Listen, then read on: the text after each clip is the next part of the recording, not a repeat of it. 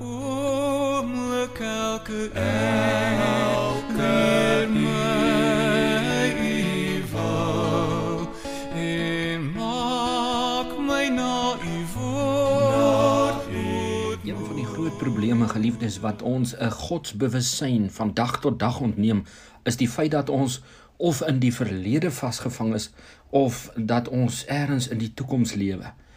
Die uitdaging sal vir jou en my bly om in die oomblik te leef. God is in die oomblik, geliefdes. Hy's teenwoordig in die oomblik. En hoor ons, hy sê vir sy volk in Hebreërs 3 vers 7, daarom soos die Heilige Gees spreek, vandag as julle sy stem hoor, verhard julle harte nie soos in die verbittering in die dag van die versoeking in die woestyn nie. Dan lees ons gevolglik, daarom het God vertoornd geraak op daardie geslag en gesê altyd dwaal hulle met die hart. Jy sien, hulle is of in die verlede, hulle verlang of na die vleispotte van Egipte, want dis die volk van wie hy hier praat wat hy sê die rus van God, die beloofde land van God nie sal ingaan nie. Hulle het of 'n hinkering na die verlede of hulle maak vir hulle die toekoms uit as onheilspellend en onoorkombaar. Maar geliefdes, dis God wat vir sy volk sê en hy leer vir hulle reeds vanuit die Ou Testament wanneer hy met hulle in 'n verbond sluit, dan sê hy as jy nou gesed na my stem luister, As jy sorgvuldig doen van dag tot dag wat jy moet doen. Hy sê vir hulle julle moet elke dag manna optel. En die volk moes beweeg onder die wolk want God wou hulle leer hoe hy teenwoordig is en hoe 'n mens God beleef. Die vraag is vermoere of ek en jy werklik 'n godsbewussyn aangeleer en ontwikkel het oor die tyd geliefdes. Ja, ons het dit nie sommer van self nie. Dis iets wat ons beleef deurdat ons sekere aksies en sekere optredes het.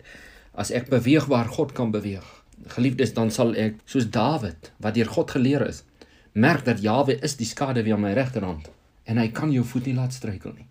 Dawid sê God het sy voete soos die van herte gemaak sodat hy versigtig kan klee en dat hy wel op die weë van God kan beweeg en dat hy teen die rotsluiste kan uitbeweeg en waar die winde waai en teen die hoogtes is hy versekerd dat sy weë vas is. En God wat hom uit die modder uitgehaal het, uit die modderige sluik van sy verlede en van sy menswees en van sy vlees en God sit sy voete op 'n rots en hy maak sy gange vas. Sit nie hoekom God ons ook in die gemeente sit en sê op hierdie rots sal ek my gemeente bou nie. En die magte van die doderyk sal hom nie oorweldig nie. Jy sien geliefdes, ons is bevrees vir die toekoms. Ons het 'n klomp vrese wat ons verhinder om in die oomblik te doen wat ons moet doen. Die skrif sê, doen wat jou hand vind om te doen in die oomblik en doen dit met al jou mag. Op 'n ander plek sê die skrif, koop die tyd uit want die dae is boos. En die duiwel loop rond soos 'n brullende leeu en kyk wie hy kan verslind. Maar hy wat sinvol besig is, wat gefokus bly, sy oë gefestig op Yeshua met ander woorde en doen wat hy moet doen elke dag. Hy sal nie in die versoeking van die duiwel val nie. Die skrif sê nie verniet ons moet bid dat ons nie in versoeking kom nie. Maar die skrif sê ook as jy wysheid kort kom, bid daarvoor en dis 'n baie wyse ding geliefdes om jou eie heil uit te werk van dag tot dag met vrees en bewering voor God. Ek het vir u gesê 'n beginsel in die woord is as ek beweeg sal God beweeg. As ek gedoen het wat ek moet doen, dan sal God doen wat hy wil doen. En die verstellings wat ons as 'n volk in Suid-Afrika moet maak, is verstellings wat God van ons vra en as ons gedoen het wat ons moet doen, sal God doen wat hy moet doen, geliefdes. Hy sê vir sy volk in Deuteronomium 28, as jy sorgvuldig na my stem luister, dan sal ek maak dat die nasies vir jou vrees. Ek sal maak dat die wat op jou aanval oor jou val.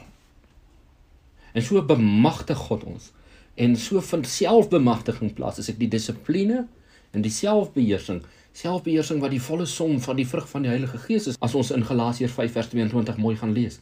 Dat 'n mens soos jy geestelik groei begin 'n selfbeheersing kry oor jou lewe oor jou elke dag bestaan. En geliefdes wie weet wat is moontlik? Yeshua sê alle dinge is moontlik vir hy wat glo. En as ek en jy werklik glo sal ons nie belemmerd wees om te doen wat ek elke dag moet doen na die beste van my vermoë nie.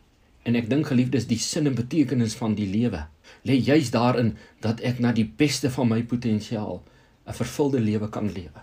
Dat ek die beste sal wees wat ek kan wees. Ek sê baie vir die kinders by die skool, julle moet spesialiste word in julle vakgebiede.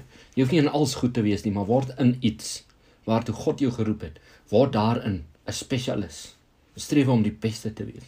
As ons in hierdie gemeente 'n skool het, dan moet ons daarna streef om hierdie skool die beste te maak wat daar is. En as ek 'n sekere ambag het, dan moet ek daarna streef om die beste te wees wat ek daarin moet wees. As ek moet nog kursusse loop en nog verder gaan leer en myself bekwam, dan moet ek dit doen.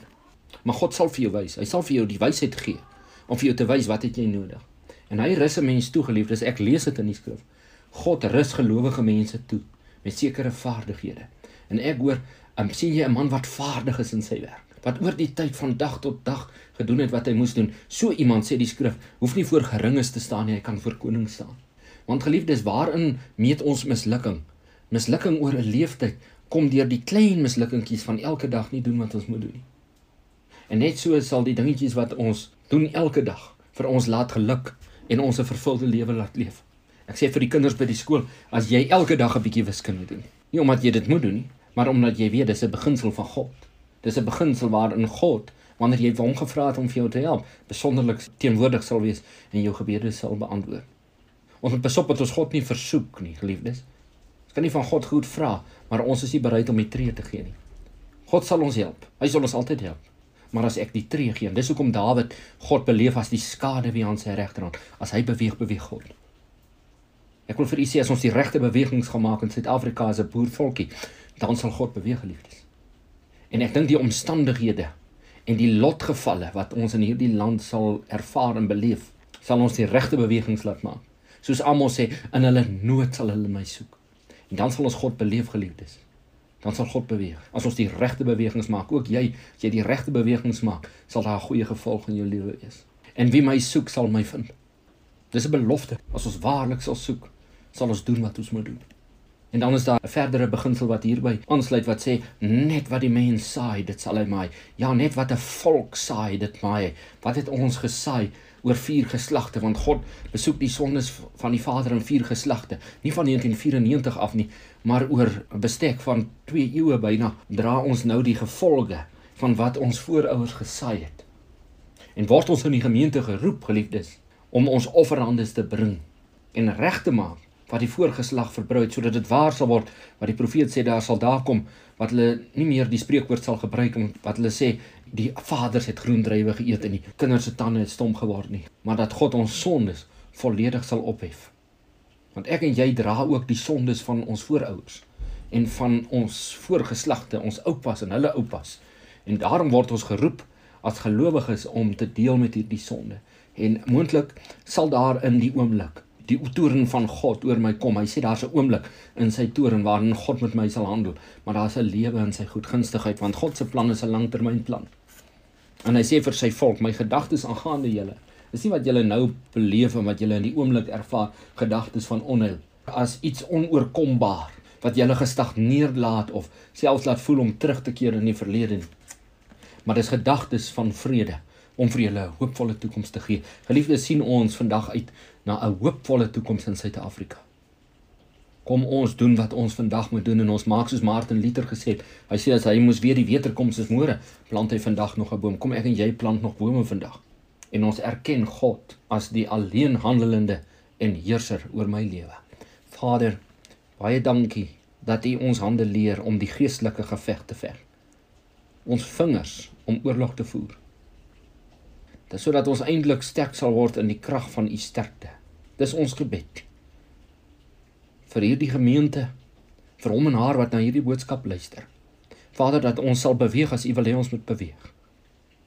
En dat ons die wonder in Suid-Afrika sal inwag soos wagters op die môre wagters op die môre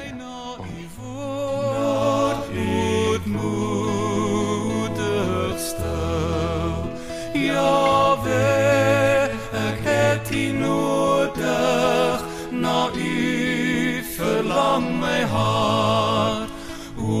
seën my my heiland en troos en smaak.